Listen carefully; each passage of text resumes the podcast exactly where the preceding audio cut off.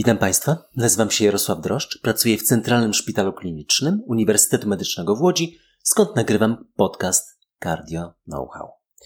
Na początek wracamy do pytań, do których inspirację czerpię oczywiście z naszej poradni kardiologicznej. 67-letni pacjent, leczony interwencyjnie z powodu ostrego zespołu wieńcowego, bez przetrwałego uniesienia odcinka ST, non-STEMI, Implantowano stent naczyniowy, do tętnicy okalającej w pozostałych naczyniach nie stwierdzono istotnych przewężeń. Uprzednio pacjent był leczony z powodu nadciśnienia tętniczego, umiarkowanego oraz migotania przedsionków. Oczywiście leczony zgodnie z wytycznymi.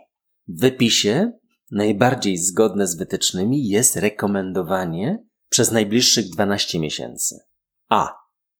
ASA 75 mg, klopidogrel 75 mg i NOAK przez miesiąc, a następnie klopidogrel i NOAK, B, ASA 75 mg i NOAK, czy C, klopidogrel 75 mg i NOAK. Odpowiedź oczywiście na koniec. No i dziś odpowiedzi na pytania, które pojawiły się w ciągu ostatnich dwóch tygodni. Najpierw trzy pytania, potem zostawimy sobie trzy na tydzień przyszły. Przewlekły zespół wieńcowy. Jak diagnozować? Jak leczyć? Pan Dominik. W piątym epizodzie przedstawiłem wyniki badania ischemia. Porównano w nim rokowanie pacjentów, u których po potwierdzeniu niedokrwienia mięśnia sercowego w scentygrafii lub próbie wysiłkowej jedynie losowo wykonywano koronografię w połowie populacji prawie 5 tysięcy chorych.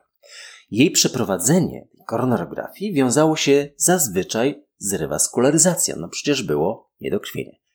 Ale ku zaskoczeniu wielu nie zmieniło to w żaden sposób losów pacjentów.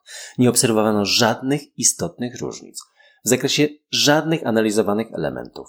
Liczba zawałów, udarów, krwawień, hospitalizacji, niewydolności serca, nagłego zatrzymania krążenia zgonów, ponieważ był to zdecydowanie największy trial w dziejach wszystkich randomizowanych badań przewlekłych zespołów wieńcowych, nie spodziewamy się tu żadnych nowych badań, przynajmniej do czasu wynalezienia jakiejś kompletnie innej metody leczenia. No i konsekwentnie powtarzam, nowoczesne leczenie farmakologicznie z eliminacją czynników ryzyka pozostanie zasadniczym kierunkiem terapii oraz naturalnie wdrożenie strategii interwencyjnej, gdy tylko pojawi się ostry zespół wieńcowy, przykład wyraźna progresja dolegliwości stenokardialnych. No, to pytanie pana Dominika jest niezwykle istotne, bo w praktyce klinicznej mamy połowę chorych w poradni z przewlekłym zespołem wieńcowym, może nawet więcej. W sumie to 2 miliony osób w Polsce. Mniej więcej dwa razy więcej niż niewydolności serca. Dotyczy to zasadniczo trzech grup pacjentów. No po pierwsze pacjentów, u których dolegliwości stenokardialne są, ale są stabilne i trwają co najmniej 3 miesiące. Po drugie, pacjentów po zawale rewaskularyzacji przeskórnej operacyjnej, niezależnie od tego, czy mają, czy nie mają stenokardii. No i po trzecie wreszcie, pacjentów, u których rozpoznano istotne zwężenie tętnic wieńcowych w badaniach przesiewowych, niezależnie od ich dolegliwości. Na początek dobra informacja. Rokowanie w przewlekłym zespole wieńcowym jest dobre, a nawet bardzo dobre. Rocznie jedynie co 50 będzie miał zawał serca. Śmiertelność wynosi od 1 do 2% łącznie, będąc zbliżona do umieralności populacyjnej. Porównajmy to z przewlekłą niewydolnością serca, gdzie śmiertelność jest 5 do 10 razy wyższa. 10 razy. Przy tym samym nasileniu dolegliwości stenokardii w przypadku zespołów wieńcowych bądź duszności w przypadku niewydolności serca. Czterostopniowa skala CCS Kanadyjskiego Towarzystwa Kardiologicznego w przewlekłych zespołach wieńcowych odpowiada przecież czterostopniowej skali Nycha w niewydolności serca. Różni tych pacjentów przewodnienie w badaniu klinicznym obecne w niewydolności serca, a nieobecne w przewlekłych zespołach wieńcowych i przypomnijmy, dziesięciokrotnie większe zagrożenie populacji z przewodnieniem, z niewydolnością serca. Diagnostyka. Zasadniczy kierunek to badania nieinwazyjne. Dla mnie dziś najczęściej scentygrafia perfuzyjna mięśnia sercowego. Porównujemy perfuzję mięśnia sercowego w spoczynku z tą, którą obrazujemy podczas wysiłku fizycznego lub pod dipirydamolu, który wywołuje efekt podkradania. Różnica prezentowana jest graficznie, co trudne może dla niektórych, ale w prostej jednej liczbie odsetku wskazującym na rozmiar indukowanych zaburzeń perfuzji. Wartość powyżej 10% wskazuje na istotny obszar niedokrwienia i tylko u takich pacjentów rozważamy koronarografię. Warto to zauważyć, że gdy dojdzie z różnych powodów do rewaskularyzacji pacjentów z przewlekłym zespołem wieńcowym i indukowanymi, indukowanym obszarem niedokrwienia poniżej 5%, to śmiertelność jest, uwaga, dwa razy większa niż gdybyśmy leczyli chorych tylko zachowawczo. Stanowi to kompletne zaskoczenie dla wielu lekarzy, nadal pozostających pod wrażeniem całkiem niesłusznie kardiologii interwencyjnej w tym konkretnym wskazaniu. Czasem sięgam do tomografii tętnic wieńcowych, ale ostatnio niemal jedynie w trzech sytuacjach. Gdy wykluczając istotne zwężenie tętnicy wieńcowej, pragnę zdiagnozować inną patologię. Przepuklinę rozworu przełykowego, guz płuca, zaciskające zapalenie osierdzia, Wspominałem Państwu o tym pacjencie, który jest leczony operacyjnie.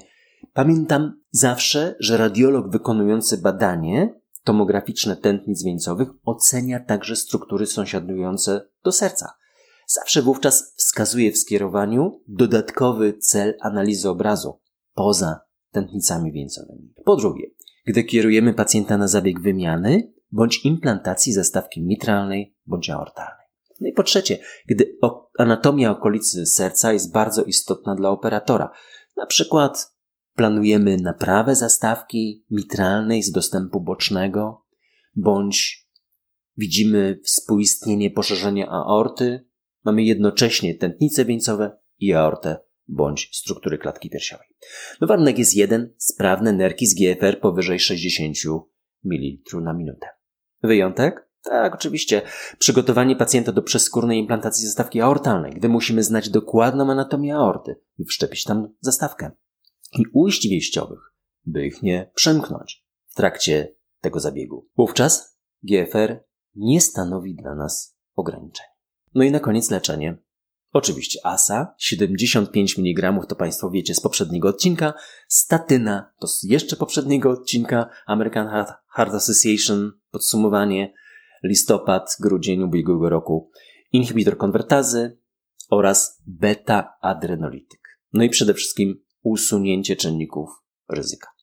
No i wspomnę też o najczęściej spotykanych błędach. Wynotowałem sobie pięć. Pierwsza.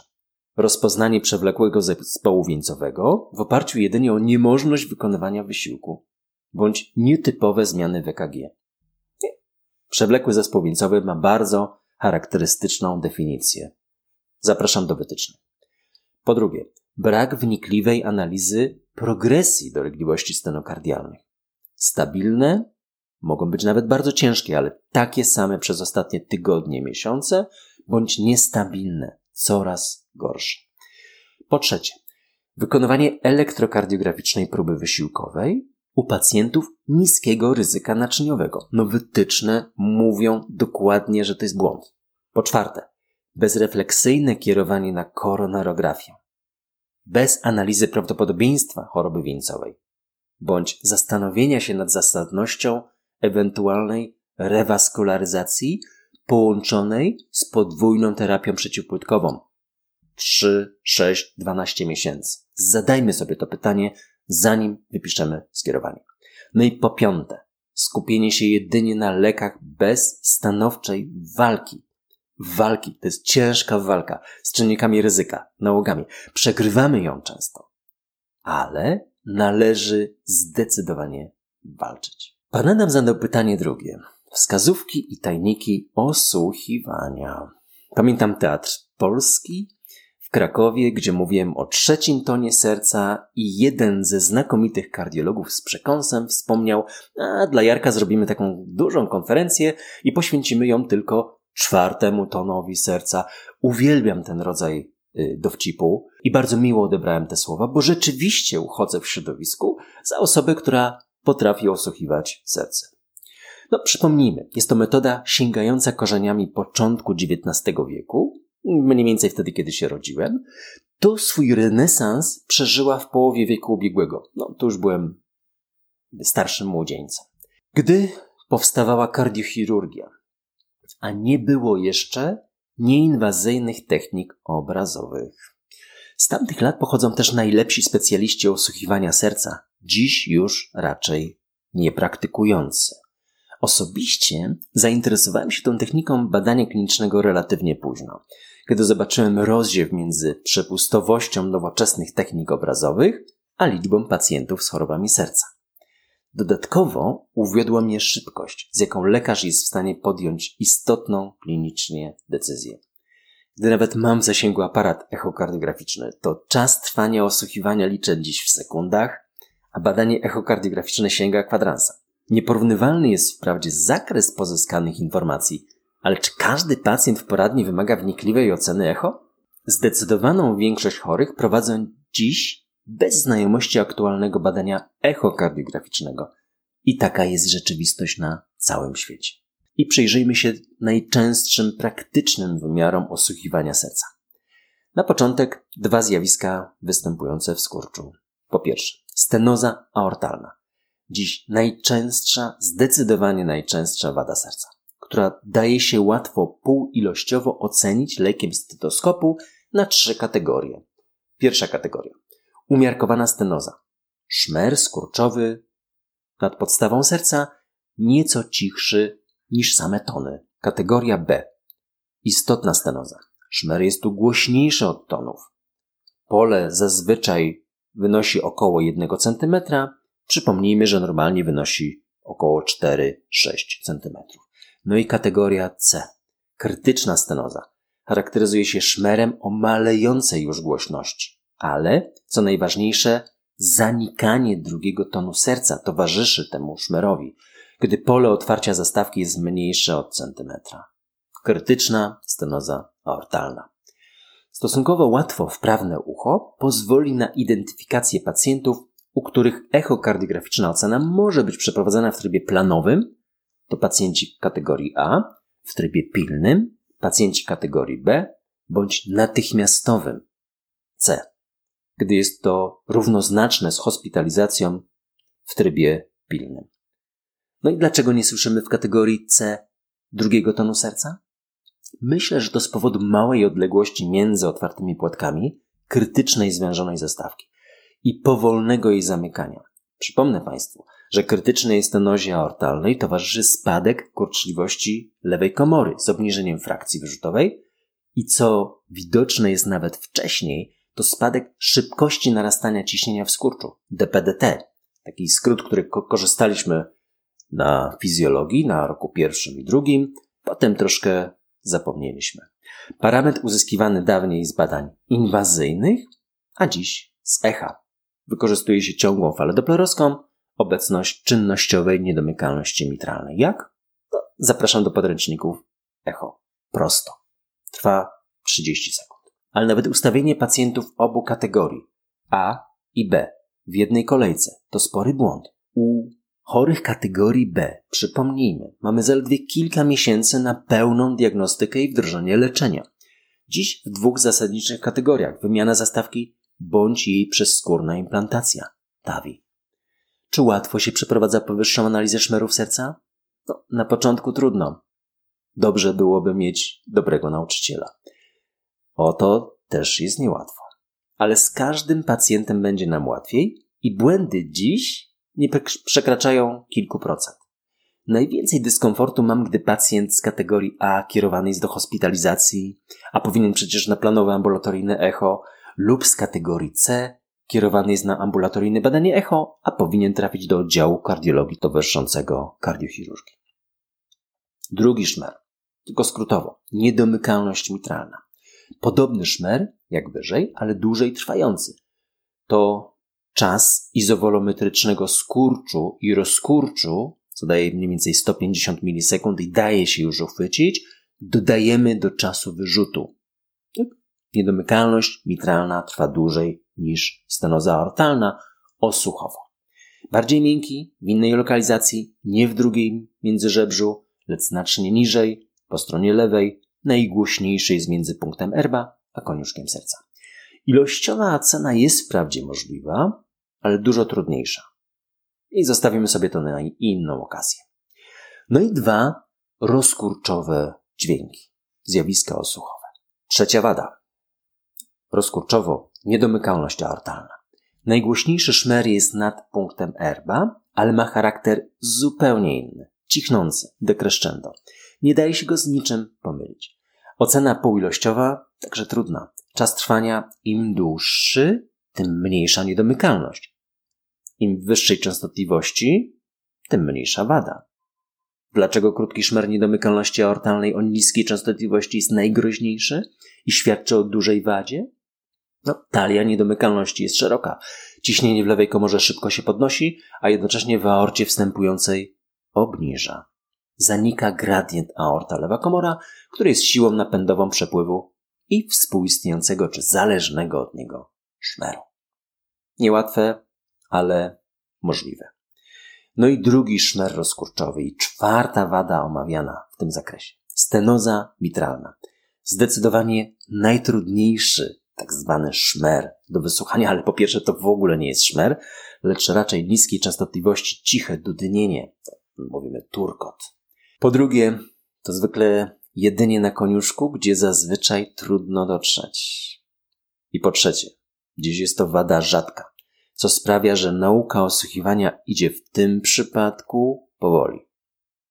No a jeśli mnie Państwo zapytacie, jakie zjawiska osłuchowe występują najczęściej, jakie słyszę najczęściej, jakie są dla mnie najważniejsze i jakie najczęściej zmieniają moje postępowanie w ambulatorium, odpowiem zdecydowanie trzeci ton serca.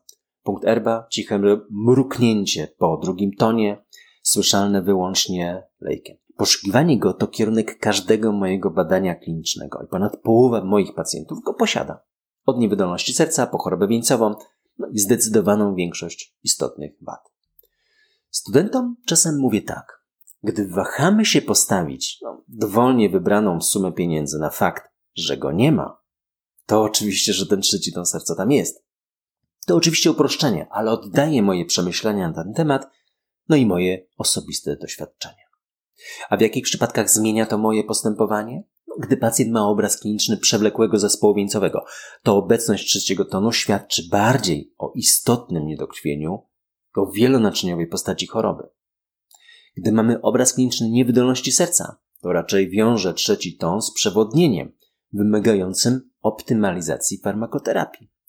Naturalnie powyższe nie zawsze i nie wszędzie, ale obecność trzeciego tonu zazwyczaj skłania mnie do modyfikacji postępowania terapeutycznego bądź diagnostyki. Dlaczego zalecam osłuchiwać serce?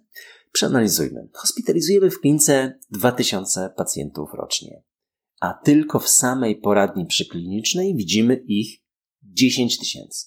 Czy naprawdę uważacie Państwo, że mam te 10 tysięcy ustawić w kolejce do przyjęcia do diagnostyki w klinice? A może skierować na badanie echo? Przecież to kalkulacja jest 10 tysięcy razy 20 minut. Pół roku ciągłego badania echo dzień i noc. Proste, matematyczne zabawy. A może mam przyjmować najpierw tych, którzy się najgłośniej skarżą? No w skali województwa wygląda to jeszcze bardziej przekonująco. Mamy 10 razy więcej przyjęć w poradniach kardiologicznych niż hospitalizacji. No, odzwierciedlenie ma to również finansach ambulatoryjna porada jest 100 razy mniej kosztowna niż hospitalizacja. Jednych i drugich nie daje się uniknąć, ale zdecydowanie jestem zdeklarowanym orędownikiem przenoszenia zasadniczej aktywności do ambulatorium. Wszystkich, powtarzam, wszystkich kardiologów, także tych pracujących w oddziałach i klinikach. A może nawet szczególnie tych, którzy pracują w oddziałach i klinikach a w poradni jestem zwolennikiem badania klinicznego i wnikliwego osłuchiwania. No i wreszcie trzecie pytanie, już może krócej. Pani Joanna zapytała o potrójną terapię przeciwzakrzepową. Brawo, pani Joanno, użyła pani prawidłowego sformułowania. Potrójna terapia przeciwzakrzepowa. Tak to występuje w wytycznych, mimo że stosujemy leki też przeciwpłytkowe. No dotyczy to pacjentów, u których współistnieją migotanie przedsionków i zabieg angioplastyki wieńcowej z dowolnych wskazań. Migotanie przedsionków stanowi tu wskazanie do leków przeciwzakrzepowych, NOAC na przykład, gdyż ani inhibitor P2Y12, ani ASA nie obniża ryzyka udaru. Z kolei implantowany stent wskazuje na konieczność stosowania ASA, a czasem inhibitora P2Y12. To składa się na terapię potrójną przeciwzakrzepową. Choć to czasami konieczność, to mamy świadomość większego ryzyka krwawień, kilkukrotnie większego. Stąd tą terapię stosujemy jak najkrócej. Wytyczne non-STEMI z 2015 roku rekomendowały od 1 do 6 miesięcy terapii potrójnej. No, wyłącznie u chorych bez wysokiego ryzyka krwawień, Hasblet do dwóch włącznie, ale zawsze. Te wytyczne aktualne z 2020 roku non-STEMI są na stronie ptcardio.pl jednoznacznie wskazują na konieczność skrócenia tego czasu do jednego tygodnia, co zazwyczaj obejmuje pobyt w szpitalu. Przedłużenie czasu podawania potrójnej terapii przeciwzakrzepowej rezerwujemy tylko dla pacjentów z tak zwanym wysokim ryzykiem zdarzeń niedokrwiennych, na przykład wielonaczyniowa choroba wieńcowa po etapowej rewaskularyzacji. No, jaka jest dzisiaj praktyka kliniczna? No, bardziej przypomina mi połowę ubiegłej dekady. Stąd bardzo się cieszę, że słuchający tego podcastu nie będą popełniali już tego błędu. A więc jaka jest prawidłowa odpowiedź na nasze pytanie kliniczne? Oczywiście C. Klopidogrel 75 mg plus NOAC. Przypomnijmy, pacjent ma migotanie przedsionków, czadztwa WASK 2, nadciśnienie i wiek 65, więcej 67, we wczesnym okresie interwencyjnym leczenia non-STEMI. Opuszcza szpital, w związku z tym nie dajemy potrójnej terapii przeciwzakrzepowej, bo ubiegłoroczne wytyczne wskazują na zasadność utrzymywania NOAC oraz dołączenie ASA bądź klopidogrelu wyłącznie w szpitalu, a następnie kontynuację klopidogrelu plus NOAC do końca pierwszego roku, o ile nie mamy do czynienia z wysokim ryzykiem zdarzeń niedokrwiennych, a z opisu pacjenta nic na to nie wskazuje. Niestety, powszechna praktyka jest jeszcze rodem z wytycznych 2015 roku. Edukujemy. I na koniec pytanie organizacyjne. Co bardziej polecam? Otworzyć specjalizację z kardiologii czy iść torem klasycznym? Najpierw interna, potem kardiologia. No, wiele zależy tu od Państwa osobistych planów. Jeśli macie Państwo plany krótkoterminowe, uzyskać specjalizację w najkrótszym możliwym czasie i pracować wyłącznie w sferze wąskiej kardiologii, to jednostopniowa specjalizacja w zupełności wystarczy. Dla bardziej ambitnych, mierzących dalej i wyżej, polecam drogę dłuższą, poprzez specjalizację z chorób wewnętrznych. Po pierwsze, no w trakcie specjalizacji uzyskuje się bardzo szeroką internistyczną wiedzę, zawsze potrzebną w praktyce klinicznej. Po drugie, nie mniej ważne, mamy szersze pole do przyszłych działań, na przykład w sferze ubiegania się o stanowisko ordynatora oddziału czy kliniki. Nasze pokolenie lekarzy miało jedynie drogę do kardiologii prowadzoną przez specjalizację z chorób wewnętrznych. Nie słyszałem, żeby ktokolwiek z moich kolegów skarżył się na nadmiar wiedzy internistycznej. No jeszcze mam jedną obserwację z tego zakresu. Widzę, jak młodzi lekarze konsultują chorych w dużym, wieloprofilowym szpitalu, w którym mam zaszczyt pracować, Centralnym Szpitalu Klinicznym UMED. No, kierować do całej gamy interwencyjnych procedur kardiologicznych jest stosunkowo łatwo. Mamy dziś klarownie napisane wytyczne. Dyskwalifikować jest już dużo trudniej. I do tego czasem niezbędna jest wiedza internistyczna, jako że choroby serca zazwyczaj nie występują w izolacji. Nierzadko choroby innych narządów nawet dominują. Jakie rokowanie ma pacjent zagrożony nawracającym krwawieniem, czy ma nawracające krwawienia z przewodu pokarmowego, któremu implantujemy stent w obrazie klinicznym przewlekłego zespołu wieńcowego i podamy podwójną, a przez krótki czas potrójną terapię, podwójną przeciwpłytkową, potrójną przeciwzakrzepową. To dlatego wracam dziś do odpowiedzi na pierwsze postawione pytanie – rewaskularyzacja przez skórna nie przynosi samych korzyści. I kardiolog z gruntownym wykształceniem internistycznym to doskonale rozumie. Czytamy? Ostatni obraz Sary DeVos. Dominik Smith. Tłumaczyła Katarzyna Karłowska, dom wydawniczy Rebis 2018. Autorem jest Australijczyk, który zamieszkał w Teksasie. Jak nikt inny potrafił uchwycić fenomen XVII-wiecznego malarstwa holenderskiego oraz aplikowanie kobiet do zawodów, wówczas, może nawet i dzisiaj też trochę, przypisywanych wyłącznie mężczyznom. Sara de Vos, jako pierwsza kobieta w historii, zostaje przyjęta do gildii świętego Łukasza. Jak przełomowe było to dokonanie, jakim okupione cierpieniem, co działo się z jej kunsztownym obrazem na skraju lasu 300 lat później. Czasem pytacie Państwo, czy naprawdę czytam te wszystkie powieści. No jak Państwo uważacie? Tu wymieniam jedynie te, które nie tylko czytam, ale które poruszyły mnie więcej niż jeden raz. No, ten pierwszy raz to oczywiście w trakcie czytania. Później w zaskakujących, aktualnych sytuacjach. Sara de Vos wybiera się z mężem na łyżwy. Oczywiście XVII-wieczna Holandia na naturalnym zbiorniku rzece. Pogoda wydaje się być znakomita, a przyjemność wyborna. Mija 300 lat. Czytając nagłówki typu próbował ratować psa, pod którym załamał się lód. Wspominam o ostatnim obrazie Sary de Vos. Te liczne przykłady dramatów nierozerwalnie związane z brakiem rozsądku, czy może bardziej brakiem wiedzy. Gdyby tak wszyscy przyswoili sobie namalowany słowami obraz świata i przy tym kochanego człowieka, spod lodu, który Sara de Vos miała nieszczęście ujrzeć. Trzy dalsze pytania za tydzień. Życzę Państwu miłego, dłuższego i cieplejszego niż zazwyczaj weekendu. A jeśli Państwo będziecie mieli jakieś uwagi, komentarze, kierujcie na media społecznościowe, postaram się udzielić odpowiedzi.